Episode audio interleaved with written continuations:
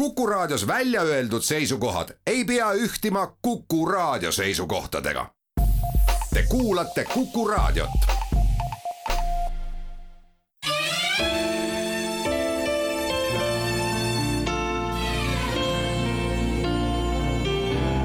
nädala raamat. Susanne Simard, emapuud otsimas, metsatarkuse avastamine Postimehe kirjastuselt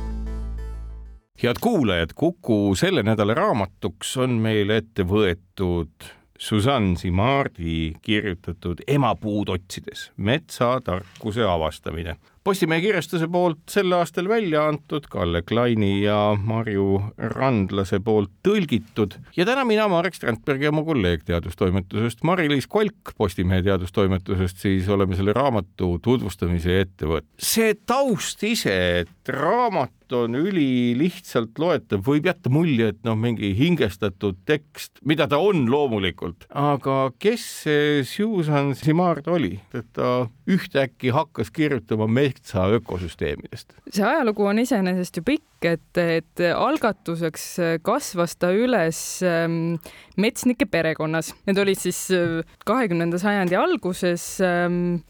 ma ei tea selle, selle meetodi täpset nimetust, aga, aga mehed, kes siis võtsid metsa maha ja, ja tegid seda veel võrdlemisi loodust hoidval viisil no,. Sest, et... ilmselt sa samamoodi nagu see Eestiski käis, hobusega metsa, palgid hobuse peale või siis äh, nagu Soomes jõgedesse ja üsna traditsiooniline. just ja, ja seal tuleb õnneks see inimlik piir ette või siis ka hobustega, et sa lihtsalt ei jõua äh, füüsiliselt võtta seda metsa maha nii palju, et see kahju oleks meeletu. loomulikult neid kahjusid oli, aga, aga kogu selle tema vanemate, vanavanemate kogemuse mm, ja looduses kasvamisega oli siis see Simard mm, metsaga üsna üheks saanud juba lapsepõlves, et me rääkisime siin mulla söömisest, mida ta teeb siiamaani. just, see oli, aga sellest me saame ka veel rääkida, see on täiesti vapustav, inimene sööb mulda ja kiidab selle maitset. just, just, äh, ta rääkis nendest kui šokolaaditrühvlitest, mis, mis oli minu jaoks päris hirmutav, aga, aga tundub, et ta elab suurepärast elu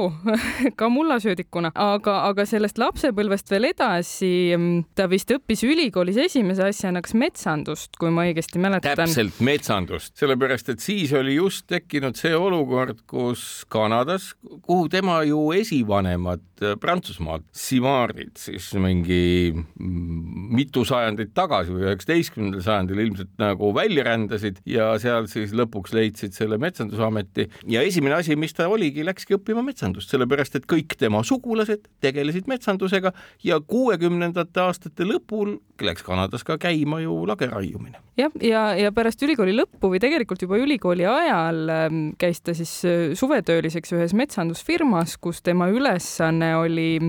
vaadata raielanke, vaadata, mida ja kuidas sinna istutada ja kuidas need äh, värsked istikud siis ähm, elus püsivad ja, ja oma üllatuseks avastas ta, et kõik ei läinud sugugi libedalt. tal oli ka suur huvi seente vastu ja, ja kui ta käis neil maastikel ja, ja vaatas seda tervist, sai ta intuitiivselt aru, et äh, et puud ja seened on kuidagi omavahel seotud. toona ta seda täpset mehhanismi veel ei osanud seletada, aga, aga sealt see huvi tekkis. me räägime ajast, mis on seitsmekümnendad, kaheksakümnendad, eelmisel sajandil. just, et, et toona veel ei olnud seda arusaama, et ähm, kogu ökosüsteem on, on tõesti koostööl põhinev, mitte ainult konkurentsil põhinev no esimesed märgid olid sellest juba olemas, et äh, seda nii-öelda Darwinilt ebaselgelt üle võetud arusaama, et kõik põhineb vaid konkurentsil, et seda oli kõigutatud siin-seal demonstreeritud muuhulgas ju ära ka see, et äh, baktergi, milline on rakku sisse läinud ja mitokondriks muutunud, on üks kõige suurem evolutsioonilise koostöö näidis. jah, aga, aga see neid metsamajandajaid äh, paraku ei seganud, et toona siis õpetati välja pigem põllumehi, äh, kelle põllul siis kasvavad puud ja mille mahavõtmist tuleb optimeerida, et kasum oleks suurem. just ja, ja teha seda siis ähm, hästi isoleeritult, et, et kasvatada liike eraldi ähm, just sellest konkurentsist lähtuvalt ja noh, olla lühiajalise kasu peal väljas, mis on igati mõistetav, aga, aga siis ähm, Simard oma vaatlustel juba väga noorena sai aru, et miski siin ei klapi ja, ja pärast seda ta läkski siis ähm, magistrantuuri ökoloogiat õppima, kus ta siis hakkas juba katseid korraldama. Simaadi üks huvitavamaid mälestusi on, ma saan aru, tema noorest põlvest üks juhtum koeraga, mida ta kirjeldab üsna detailselt, et äh, koer oli kukkunud, nende perekoer, kuivkäimla kaevatavasse auku või juba kasutuses olnud kuivkäimla auku, ma päris täpselt aru ei saanud, seda mind, teda mindi päästma sealt ja kui ta ka sinna juurde läks, siis teda oligi köit leidnud, mis asi. see auk oli kaevatud läbi kõigi metsas olevate mullakihtide ja seal ta nägi väga erineva värviga ja väga erineva olemusega siis neid samu seenekihte, mis põimusid igatepidi puu juurte ümber ja ma saan aru, et see on nagu mõnes mõttes selline tõuge ka üsna varasest noorusest juba, kus ta sai aru, et midagi seal metsas ei ole nii, nagu esialgu tundub. Eh, just ja, ja ta, noh, internet ei, ei olnud toona nii vabalt kättesaadav, alguses polnud üldse, et, et ta omandas neid teadmisi hästi aeglaselt ja rahulikult ja, ja tal oli seal metsandusfirmas küll üks mentor, aga ega tal neid mõttekaaslasi väga ei olnud, et, et see, miks ta üldse sinna jõudis äh, ja mis sellest raamatust ka välja tuleb, on tema väga selline kindlameelne iseloom äh, kõigile takistustele vaatamata. et tegelikult selle raamatu noh, lugema hakates ja üllatudes selle üle, kui emotsionaalne ja tundeline see tegelikult on, siis ma kujutan ette, et iga selle lehekülje juures, noh, raamatut kokku on umbes viis viissada lehekülge, on ikkagi mitmeid lehekülge teadusuuringuid ja mõõtmisi, mille tulemusena ta nendeni järeldusteni jõudnud on, mida ta nii ilusal kunstilisel moel edastab. tõesti, see raamat on väga ilukirjanduslik ja, ja võib-olla viissada lehekülge teaduslikku teksti kõlab hirmutavalt, aga ei tasu heituda, sellepärast et see voolab tõesti sel moel, et ei pane isegi tähele, kui targaks saab, kui seda lugeda ja ta on sinna väga osavalt sisse põiminud äh, oma elukäiku, oma väga-väga raskeid elusündmusi tegelikult ja osanud seostada seda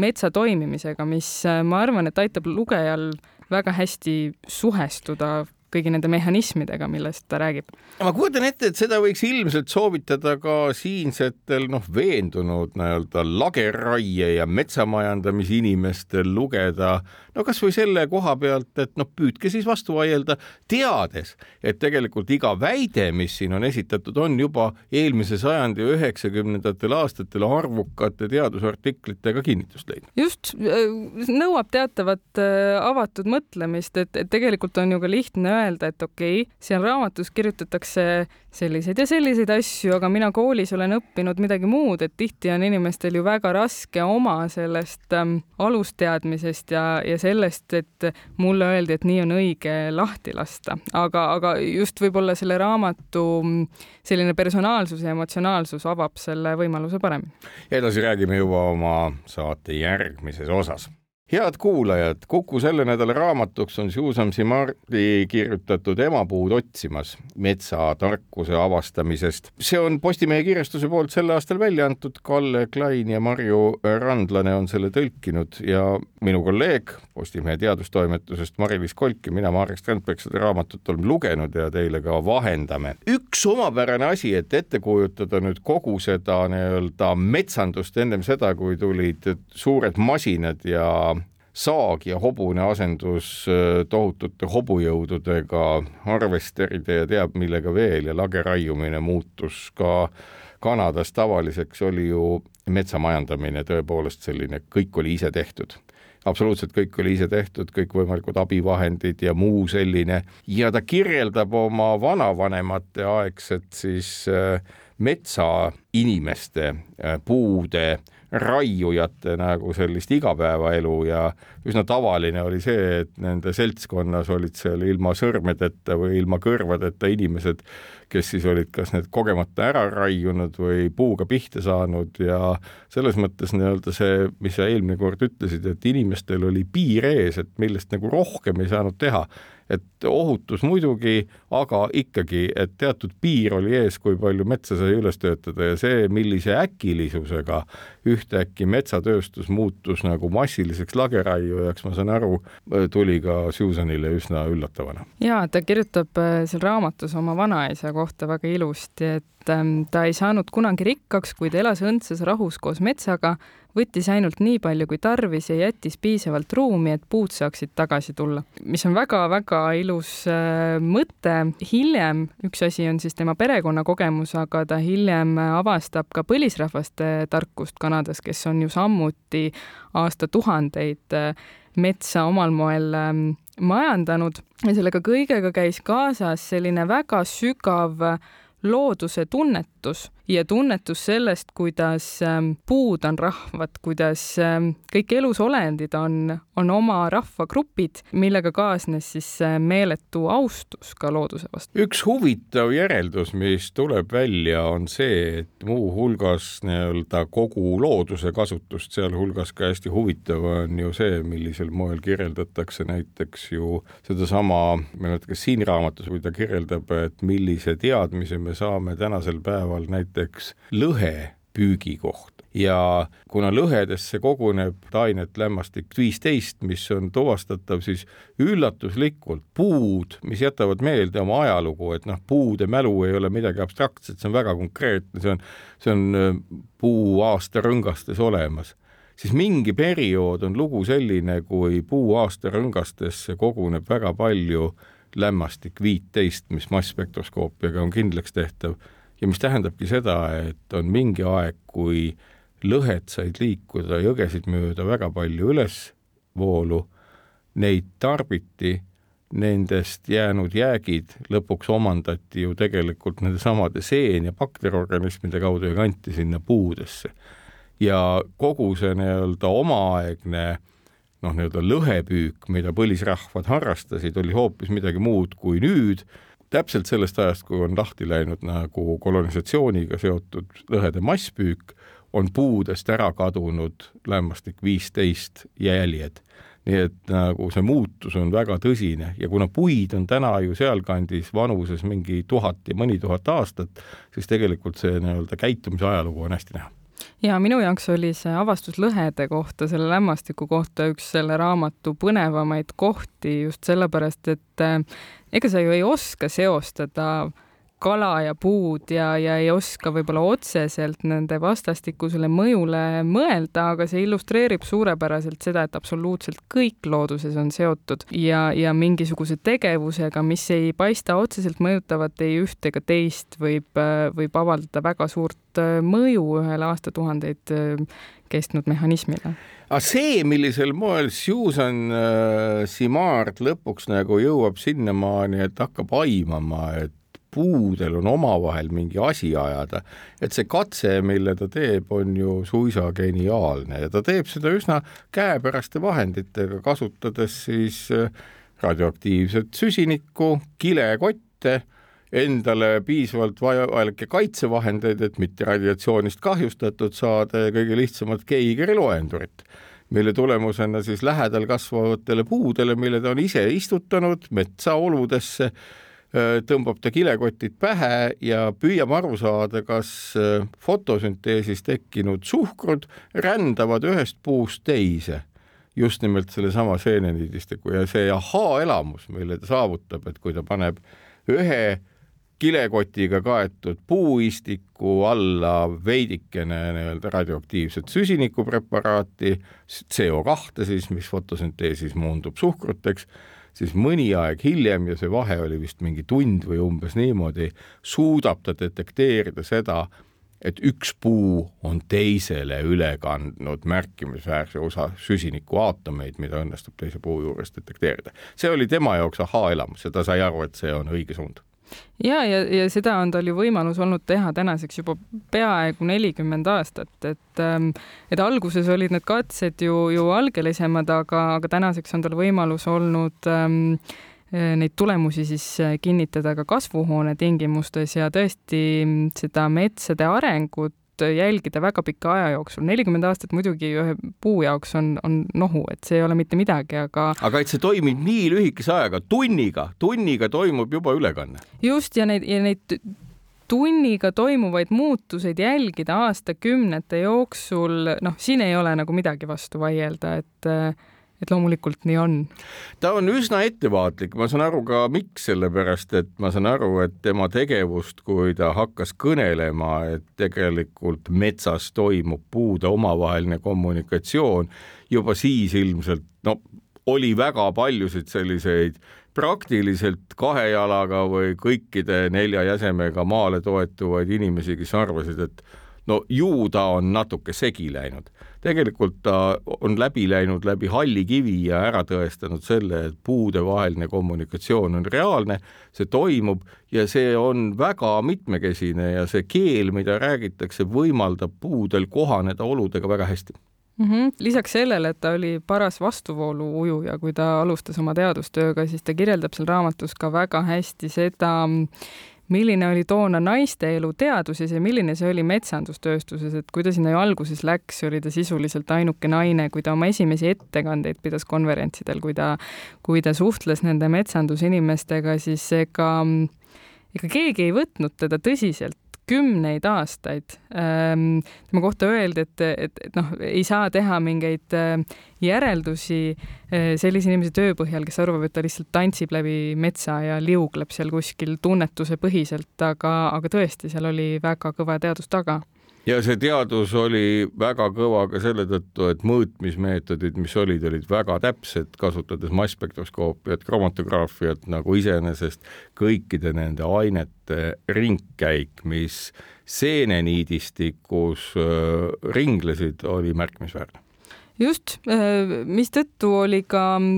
see ilmselt, see frustratsioon kestab ju, ju mõneti tänini et kuigi on vaieldamatuid tõendeid, siis selle teadmise ebamugavus teeb selle vastuvõtmise väga keeruliseks. aga edasi räägime juba oma saate järgmises osas head kuulajad, Kuku selle nädala raamat Susan Simardi Emapuud otsimas, metsatarkuse avastamine Postimehe kirjastuselt sel aastal välja tulnud Kalle Klaini ja Marju Randlase poolt eesti keelde tõlgitud ja Postimehe teadusajakirjanik Margis Kolk ja mina, Marek Strandberg, seda raamatut sel nädalal ka lahkame ja teile tutvustame. see, mis äh, Simardile puude all selles mullas avanes, oli mõnes mõttes šokeeriv, ma arvan, et väga paljude jaoks on see šokeeriv tänase päevani, ehk et kui me kujutame nüüd ette Briti Kolumbias olevat sellist äh, noh, boreaalset Äh, vihmametsa, no kus puud on ikkagi mitte nagu meil, vaid ma ei tea, kaheksakümne meetrised, sajameetrised, neist ei saa ka kümne inimesega ümbert kinni võtta.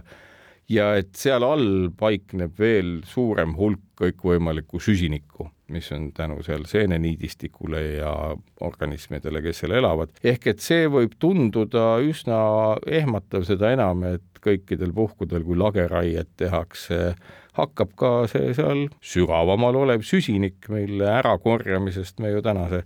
kliimaproblemaatikaga huvitatud oleme aina rohkem ja rohkem atmosfääri jõudma. vähe, sellest, et, et seal käib see toitainevahetus ja veevahetus ähm,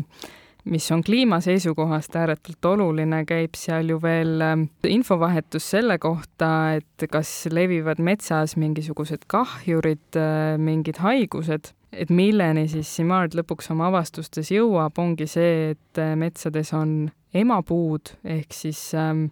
vanad puud, kes ähm, kes on siis olnud ähm, algeks paljudele ümbritsevatele puudele, kellel on hästi palju ressursse, kellel on väga palju infot, ehm, seda, kas puudel on mälu, ta väga oma raamatus ei puuduta, ta veidi kompab seda, sest et neid mehhanisme ei ole veel päris täpselt teada, aga, aga on ka kindel, et midagi mingil moel jääb puudele ikkagi varasematest keskkonnamuutustest meelde, äh, mis on samuti ülioluline selleks, et kliimamuutustega kohaneda. no genoom muutub, me teame ju inimesel ka, ükskõik millisel organismil keskkond mõjutab, need geenid, mis ekspresseeruvad või mis nii-öelda kasutusse võetakse, on keskkonna poolt mõjustatud. aga mis on päris huvitav, on see, et äh, ju üks äh, filmirežissöör nimega James Cameron on juba vist, ma ei tea, kui, millal see suurepärase filmi Avatar esimene osa ilmsiks tuli vast mingi üle kümne aasta tagasi, kaks tuhat üheksa või kaks tuhat kümme, täpselt peast ei mäleta, ja seal oli ka ju väga jõuline sümbol oli siis nii-öelda sellel teisel planeedil elavate inimeste keskel olev siis nii-öelda puu ja tuleb välja, et Cameron on tegelikult selle puu idee saanud just nimelt äh, Simardi äh, töödest ja tähelepanekutest. Ehk et kui teile näiteks tundub sedasama avatari vaadates äh, et seal on midagi väga olulist teie jaoks, siis teadke, et tegelikult selle olulisuse alus ei ole mitte midagi muud kui põhjalikud teadusuuringud selle kohta, kuidas ka maa peal, mitte kusagil mujal planeedil, mida me ei tea, kas üldse olemas on, kuidas maa peal tegelikult mets ja puud omavahel toimivad. ja, ja vähe sellest, et on äh, avatari filmi see inspiratsioon imbunud, siis tegelikult on praegu veel töös üks film, kus siis on äh, teadlase prototüübiks seesama Simard ja on tehtud ka paar dokumentaalfilmi, kus siis tema mõttekaaslased vahetavad seda infot, et, et lisaks sellele, et, et väga hea teadlane, on ta ka väga-väga viljakas ähm, teaduse populariseerija olnud. üks väga omapärane asi on see, milleni ta jõuab ka nii-öelda metsanduspraktikat sealsamas Briti Columbia lageraiete aladel tehes, on see, et ta avastab, et alles jäetavad puud, mida ka meil ju aeg-ajalt tehakse, no öeldakse, seemnepuu jääb alles, see on kõik väga hea et need on üksikuna üsna edutud ja surevad üsna kiiresti välja. ja teine asi on see, et üsna tavaline on ju istikute ettekasvatamine ja siis ka meil hästi populaarne, läheme metsa istutama, no on võimalik puid istutada, mets iseenesest on terviksüsteem. Ja ta näitab ära väga huvitava asja, mis noh, võib-olla paljudele ka teadmata ökoloogidele siin kindlasti hästi teada, aga just nimelt selle, et esiteks eri liiki puud aitavad üksteist, et näiteks juhtudel, kui mõni puu on varju jäänud, siis reaalselt kujuneb välja just nimelt mütseeli või seeneniidistiku kaudu, mis on nagu juurte ümber mässunud protsess, millega üks puu teisele suhkrut üle annab. ja, ja see, see on nagu täiesti uskumatu protsess, selline tugi. ja, ja see protsess tegelikult kestab ju noh, üks asi, et puude endi eluajal, aga just nendest ähm, pealt surnud kändudest, äh, mis on võib-olla paremini teada, on see, et, et nad on muule elurikkusele veel äh, veel heaks aluspinnaks, aga, aga tihti nende juured ikkagi suhtlevad veel teiste puudega edasi. ja, ja kui näiteks mitte küll veel maha võetud puu, mitte veel känd, aga, aga mingi puu, kellel on mingil põhjusel hakkab surema, tal on mingi kahjur, siis ta tihtilugu selle asemel, et võidelda siis enda ellujäämise nimel, ta annab oma ressursid edasi naaberpuudele, et need naaberpuud saaks siis lisaks elujõudu juurde, et ta justkui ohverdab ennast. eriti huvitav on veel see asi, et on teatud puuliigid, kes saavad omavahel läbi isenditena ja omavahel üldse läbi ei saagi. noh, mitte selles mõttes, et ta hakkaks nüüd kedagi teist välja tõrjuma, aga lihtsalt ei suhtle. et on teatud puuliigid, millised aitavad üksteist ja teatud puuliigid, kes ongi üksindusse jäetud. jah, ta, ta keskendub ju nende, nendele koostööliikidele, et, et et kased ja männid ja ebatsuugad on need, kellele ta põhiliselt keskendub, aga mille ta jätab oma raamatust natuke kõr-, kõrvale, on, on see, et on ka liike, kes tõesti on mõnikord ka pahatahtlikud, võiks öelda, noh, sellist asja looduses iseenesest ei, ei eksisteeri nagu pahatahtlikkus, aga, aga näiteks võivad orhideed ennast siis äh, nendesse juuresüsteemidesse kuidagi sisse smuugeldada ja hakata toitaineid näiteks varastama? no tegelikult on see seeneelu ju hästi keeruline, sellepärast et neid seeni on ju lõppkokkuvõttes looduses väga erinevad, vabandagu mind mükoloogid välja, aga üldistatult ju umbes niimoodi, et on seened, mis tekitavad reaalselt haigusi ja hävingut on seened, kes on lihtsalt nagu surnud materjali lagundajad, siis on seened, kes ehitavad üles selliseid tohutuid suhtlusvõrgustikke ja ainetranspordikanaleid, muuhulgas ka ju tegelikult sügavamalt äh, maapinnast juurteni toovad vee ju ka pigem seened kui juured ise ja siis on veel seened, millised on suutelised või kes on suutelised veel rakkudesse sisse minema ja mitte halba seal tegema, vaid sümbioosis elama, ehk et see seente maailm on üllatavalt mitmekesine. ja mis äh, kõige tähelepanuväärsem on ju see, et meile on teada, kindlaks on määratud sisuliselt murdosa nendest seentest, mis päriselt äh, olemas on. aga edasi räägime me juba oma saate järgmises osas head kuulajad, Kuku selle nädala raamat Susan Simardi Emapuud otsimas. Postimehe kirjastuses sel aastal välja antud Postimehe teadusajakirjanik Mari-Liis Kolk ja mina, saatejuht Marek Strandberg, sellest raamatust ka teile kõneleme. mida me saame teile edasi anda, on nagu üksikud aspektid, eks ole, mõned asjad, mis tunduvad olevat sellised äh, ilmapilti muutvad, võib täiesti selgelt öelda, sellepärast enamus ilmapilti ju räägib meile sellest, kuidas mets on küps, metsa tuleb raiuda, siis saab metsa tagasi istutada, ükski nendest tegevustest ju tegelikult tõele ei vasta puid saab raiuda, mille tulemusena mets võib hävineda, puid võib püüda tagasi istutada kohta, kus varem oli mets, aga sellest ei pruugi mets kujuneda. jah, me peame lahti laskma sellest levinud arusaamast, et äh, mets koosneb ainult puudest, et äh, nii ei ole. muld ja kõik, mis mullas sisaldub, on äh, elutähtis nendele puudele. ja no mulla ülesehitus on ju noh, kaugeltki keerukam kui pelk noh, ma arvan, et ega Simard nüüd igasugust porikamast ei võta ja suhu ei pista, et ta on sattunud vaimustusse just nimelt sellest nii-öelda seenerikkast ja elurikkast mullast, kus ma saan aru, et tegelikult väga palju ongi sellist, mis ongi söömist vääriv asi, kuigi detailsemalt ta oma seda mullasöömist ei kirjelda ja milliseid muldi ta täpselt sööb, aga nii-öelda ma oletan, et see on põhimõtteliselt nagu sellist kerge mineraalaine sisaldusega seenemassi ta ju sööb, et ega seal ju muud köitvat ei ole, mis talle isu tekitab. ja ilmselt küll, noh, ma arvan, et enamus inimesi lapseeas on natukene mulda maitsnud, aga tema tõesti teeb seda täiskasvanuna edasi. ma küll kahtlustan, et, et see, miks ta seda teha saab, ongi, ongi see, et ta on terve elu seda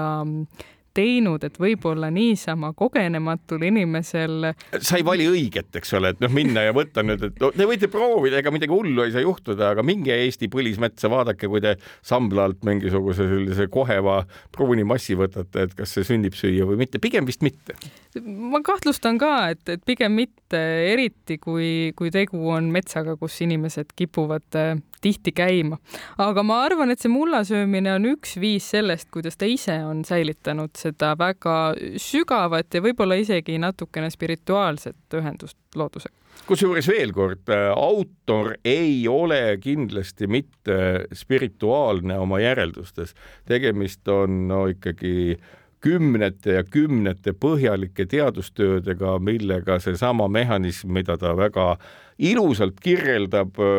romantiliselt isegi, on kindlaks tehtud, ehk et selles küsimuses, mille ta püstitab, et kas emapuud on olemas ja kas selles sisaldub teatav metsatarkus, et see päriselt ongi nii, ehk et mets on oluliselt keerukam süsteem, kui me oleme tavateaduses harjunud seda tõlgendama. Ja, ja ma, ma saan aru, et, et need antropomorfistlikud võrdlused on siis võib-olla talle natukene alguses kätte maksnud, aga ta on ikkagi läbi kahtluste otsustanud neile kindlaks jääda. Just seesama, et me nimetame emapuid ja nende lapsi. Võiks ka ju nimetada kuidas iganes, aga, aga need ähm, võrdlused aitavad äh, seoseid luua. Ähm, ja võib-olla alati ei ole kohane teha üks-üheseid järeldusi inimühiskonna kohta, aga, aga seda ta ka seal rõhutab, et tegelikult on ökosüsteemid, puusüsteemid, seentesüsteemid on inimühiskonnaga väga sarnased, et ta, ta kogeb seda ju oma elu jooksul korduvalt, et, et mida tugevamad on suhted, seda vastupidavam on ta ise, seda vastupidavam on kogu kogukond, kes ta ümber on, samamoodi ka puude osas? no ega selline inimkesksus ju mingil moel ebaõige ei ole, et millega me ikka maailma mõõdame, inimene mõõdab maailma endaga. inimene ongi maailma mõõt, mitte selles mõttes, et maailm on inimese järgi tehtud, see on nagu järeldus, mis on täiesti metsa poole, võib öelda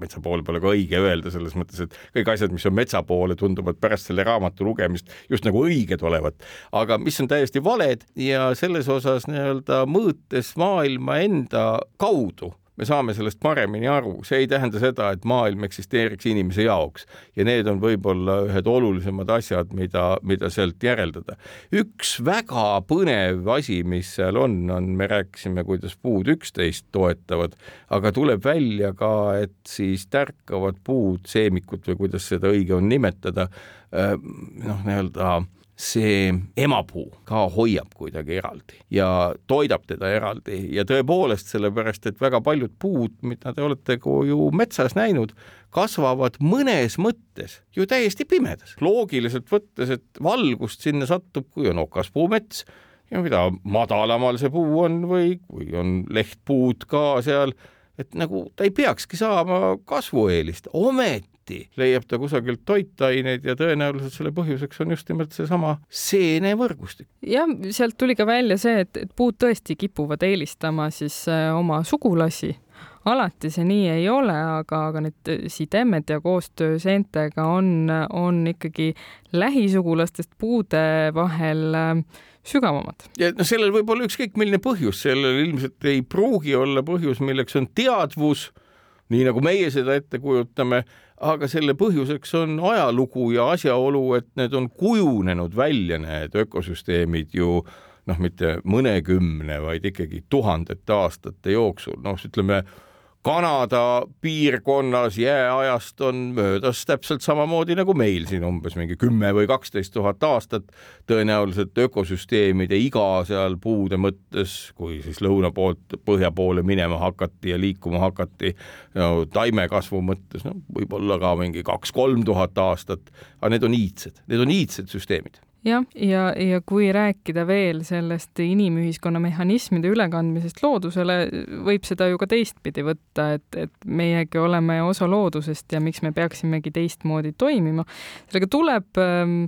ettevaatlikult ümber käia, aga minu meelest Simard on sellega käinud ideaalselt ettevaatlikult ümber, et, et just tal on seal väga palju teadustööd ta taga, aga ta tõesti teadvustab seda põhi, põlisrahvaste tarkust ähm, ja nende intuitiivset arusaama, mis on olnud tegelikult täpselt sama äh, mis, mis tema mõõtmiste tulemusel on siis tekkinud. kusjuures me ei oskagi öelda, kas see on mingi intuitsioon kõhutunde mõttes või lihtsalt nii täpne silm ja tunnetus, mis võimaldas neid samu seoseid märgata ka ilma massspektromeetrita. jah, ma arvan, et tegu on lihtsalt äh, väga mm, hästi säilinud pärimusega selles mõttes, et, et kogemus põlisrahvaste elust on ju säilinud tuhandeid aastaid, nad on osanud seda, seda edasi anda, et, et kõike ei pea ise kogema selleks, et midagi teada saada. Ja kui sa seal looduse rüpes elad, siis eks sa hakkad märkama asju, mida inimene ei märka siis, kui ta käib nädalavahetusel metsas. Ehk et me oleme ringiga tagasi jõudnud äh, väga vanade teadmisteni, olles vahepeal teeninud nii Eestis kui Kanadas kui troopikaaladel, mida peamist, raha loomulikult, ilma milleta inimene elada ei oska ja nüüd me adume, et oot-oot, et meie probleemid võivad kasvada taas meile üle pea, kuna me ei ole metsade olemust mõistnud. jah, paraku me vist kipume tihti ikkagi seda raha edasi teenima, sellepärast et ähm, võime ju paljudest asjadest aru saada, aga, aga tihti paistab see lühiajaline kasu kuidagi pakilisem. aga edasi räägime oma saate järgmises ja viimases osas head Kuku kuulajad, selle nädala raamat Susan Simardi kirjutatud Emapuud otsimas metsadest, seal toimivatest protsessidest ja kõigest muust Postimehe kirjastusel sel aastal välja antud raamat, Kalle Kleini ja Marju Randlase tõlgitud ja Mari-Liis Kolk, Postimehe teadusajakirjanik ja mina, Marek Strandberg, saatejuht. sellest raamatust ka räägime, emotsioone kuhjaga täis ja no ütleme niimoodi, et ei ole lihtsamat teed mõistmaks paljusid teaduslikke järeldusi just nimelt sisulisel moel, kui lasta inimesel, kellel on emotsionaalne tunnetus metsast ja teaduslik teadmine metsast kirjutada üks raamat, mis täpselt seesama emapuud otsimas ka on ma saan aru, et äh, kui me küsime laiema küsimuse, et mis siis kõik metsad on siis sellised nagu seenerohked, siis vastus on jaatav, küll äh, Susan Simard ise ei ole troopilisi metsi uurinud, aga ma saan aru, et hulgaliselt kirjeldusi on selle kohta, et metsandus kogu maailmas, metsandus nagu mitte majanduse mõttes, vaid metsad kui ökosüsteemid on üsna ühetaolised seentest, küll teistest liikidest kui siin põhja pool läbi imbunud ja üsna keerukad ökosüsteemid. jah, et kuigi nad äh, toimivad sama mehhanismi alusel laias laastus, siis ähm, liigid on ju ikkagi erinevad ja liigid on kohastunud erinevate tingimuste jaoks ja kui Simard oma tööd äh, alustas, ei teadnud ju kliimamuutustest keegi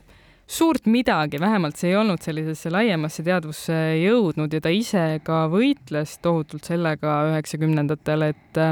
et inimesed seda tõsiselt võtaksid, aga tänaseks on ta siis oma kolleegidega jõudnud järeldusele, et et selliste metsade ja kõikide muude looduse tüüpide liigutamine siis kõrgemate laiuskraadide poole oleks iseenesest sobiv viis neid äh, säilitada,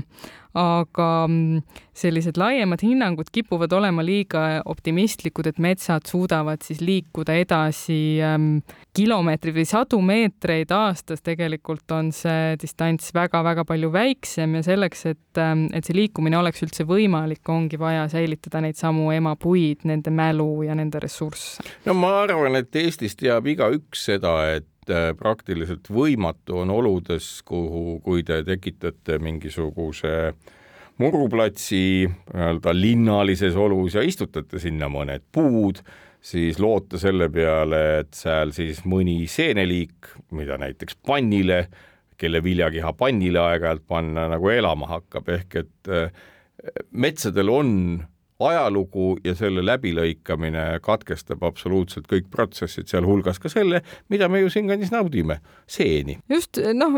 eks tuleb äh, teadvustada ka seda, et, et loodus saab ju endaga alati hakkama ja kui see muruplats piisavalt pikaks ajaks rahule jätta, küll sinna mõni seen ka ükskord tekib, aga see seen võib tekkida sinna siis, kui äh, meil seda seent enam kahjuks vaja ei ole. et, ähm, et mille eest Simard ka võitleb, on just see, et et piisavalt kiiresti inimestena seda loodust ähm, siis kohaneda aidata just sellepärast, et meil on loodust vaja. loodus saab ise alati hakkama. no Eestis, nii nagu siin põhjanaabrite Soomegi juures aina rohkem ja rohkem räägitakse lageraiete kasutamise asemel nõndanimetatud püsimetsandusest, argumente selle kasuks on väga-väga palju aga majanduslikud argumendid, et harvesterid nõuavad oma osa ja neid on vaja just nimelt liisingurahaga üleval pidada, tekitab hoopis teise pildi, mille tulemuseks on täna ju see, kui tulla Eesti juurde, siis ametlikud Keskkonnaministeeriumi andmed näitavad, et juba vast viiendat aastat ühte järge metsad ei ole enam Eestis süsiniku sidujad, vaid hoopiski süsihappegaasi emissiooni põhjustajad just nimelt, et, et eks selle majanduse, majandusliku mõõtme kasu sõltub ilmselt perspektiivist, et kust seda vaadata. Kui me vaatame seda paari aasta kaupa, siis loomulikult äh, harvesterid ja lageraie tasub ennast igati ära, aga kui me tahame neid harvestere kasutada ja me tahame, et nende liisingu maksmisest ka midagi kasu oleks, siis, äh, siis tuleb õnneks siis ikkagi püsimetsandusega tegeleda, sest et muidu ei pruugi meil olla varsti lihtsalt äh, metsa, mida lageraiega maha võtta. üks huvitav tähelepanek, külastasin siin neil päevil üht Kesk-Eesti ettevõtet, kus toodetakse kvaliteetset puitu, nimelt termotöödeldakse seda, et see oleks veel kestvamalt kasutatav küll fassaadides, küll muudel ehitusvaldkondades. Ja nemad seal tõdesid, et täna nad enam Eestist vajaliku kvaliteediga puud ei saagi ja peavad seda hankima just nimelt Soomest ja mitte nendest kohtadest, kus on lageraied, vaid nendest kohtadest, kus Soomes kasutatakse püsimetsanduse meetodeid. ehk et tegelikult me oleme tänasel hetkel jõudnudki sinnamaani, et Eesti metsad sobivad tänu sellele äh, raiemeetodile aina vähem ja vähem kvaliteetse puidu tekitada. jah, sama probleemiga puutus ju ka Simard tegelikult äh, kokku äh, oma algusaastatel vist äh, metsanduses ja tegelikult hiljem ka, kus nad avastasid, et kuna nad ei ole segametsades toetanud kaskede kasvamist, nad on võtnud seda kui sisuliselt umbrohtu. jah, täpselt, täpselt. jah, et siis, siis lõppes see asi sellega, et Kanadasse ostati, osteti kasepuitu sisse Rootsist, kuigi tegelikult kased kasvavad äh, Kanadas ise väga hästi, et, äh, et need ressursid kuidagi jaotuvad väga ebamõistlikult, et need nišid on väga spetsiifilised kuigi tegelikult võiks ära kasutada seda, mis, mis nagu loomulikult võimalik on. ja iseenesest ökosüsteemi mitte mõistes tekivad majanduslikud soovitused, mis on mittemõistlikud ja lõppkokkuvõttes viivadki sinnamaani, kus mingil hetkel ka Eesti nii-öelda metsad ei ole enam tervikökosüsteemid ja üllatus-üllatus, siit äkki ei saa varsti ei millegi jaoks kohalikku puitu ega majade ehitamiseks ega millekski, kuna kogu selle süsteemi terviklikkus on untsu läinud, puud üksteist ei toeta, meie arvame, et kask on umbroht ja kuuske tuleb raiuda ja kask ära kõrvaldada või midagi umbes sellist ja oleme lõppkokkuvõttes samas seisus, nagu tegelikult me täna olemegi. seesama Kesk-Eesti ettevõte ostab oma puitu sisse arvake kust, Uus-Meremaalt. ja illustreerib suurepäraselt seda, et, et puud teevad omavahel koostööd ja, ja metsandusotsuste tegemine ei ole ainult metsakasvatajate asi, see on samamoodi ökoloogide asi, see on samamoodi ühiskonnateadlaste asi, et just seda terviklikkust äh,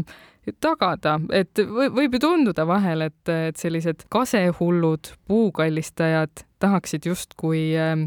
ärihuvidele vastu seista ja närvidele käia kedagi, kedagi kiusata, tegelikult see ju nii ei ole. sellepärast, et seda raamatut läbi lugedes ma ei oska öelda, kellel võiks jääda mulje, et see on mingi udujutt, selles mõttes seal ei ole ühtegi aspekti, mida saab tõlgendada kui udujuttu, enamgi veel enamus, ma tegelikult ju kõik väited, mis seal on esitatud resoluutsetena, on seda vaid selle tõttu, et Simardil on selle kõrvale panna ka ports teadustöid, mida ta loomulikult ka oma raamatu järelsõnas või lisade osas väga täpselt viitab jah, tema näol tõesti ei ole tegemist äh, sellise eluvõõra linnainimese ja, või, või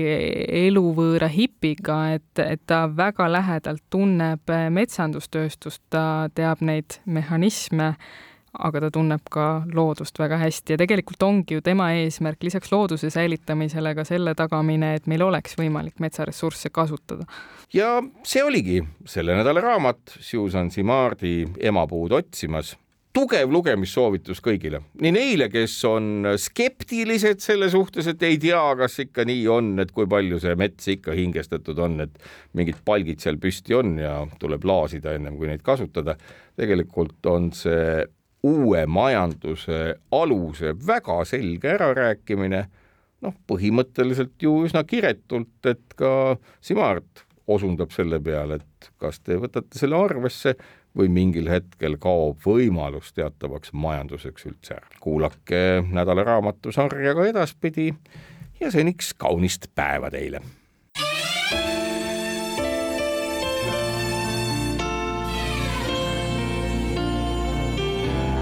nädala raamat. Susanne Simard, emapuud otsimas, metsatarkuse avastamine Postimehe kirjastuselt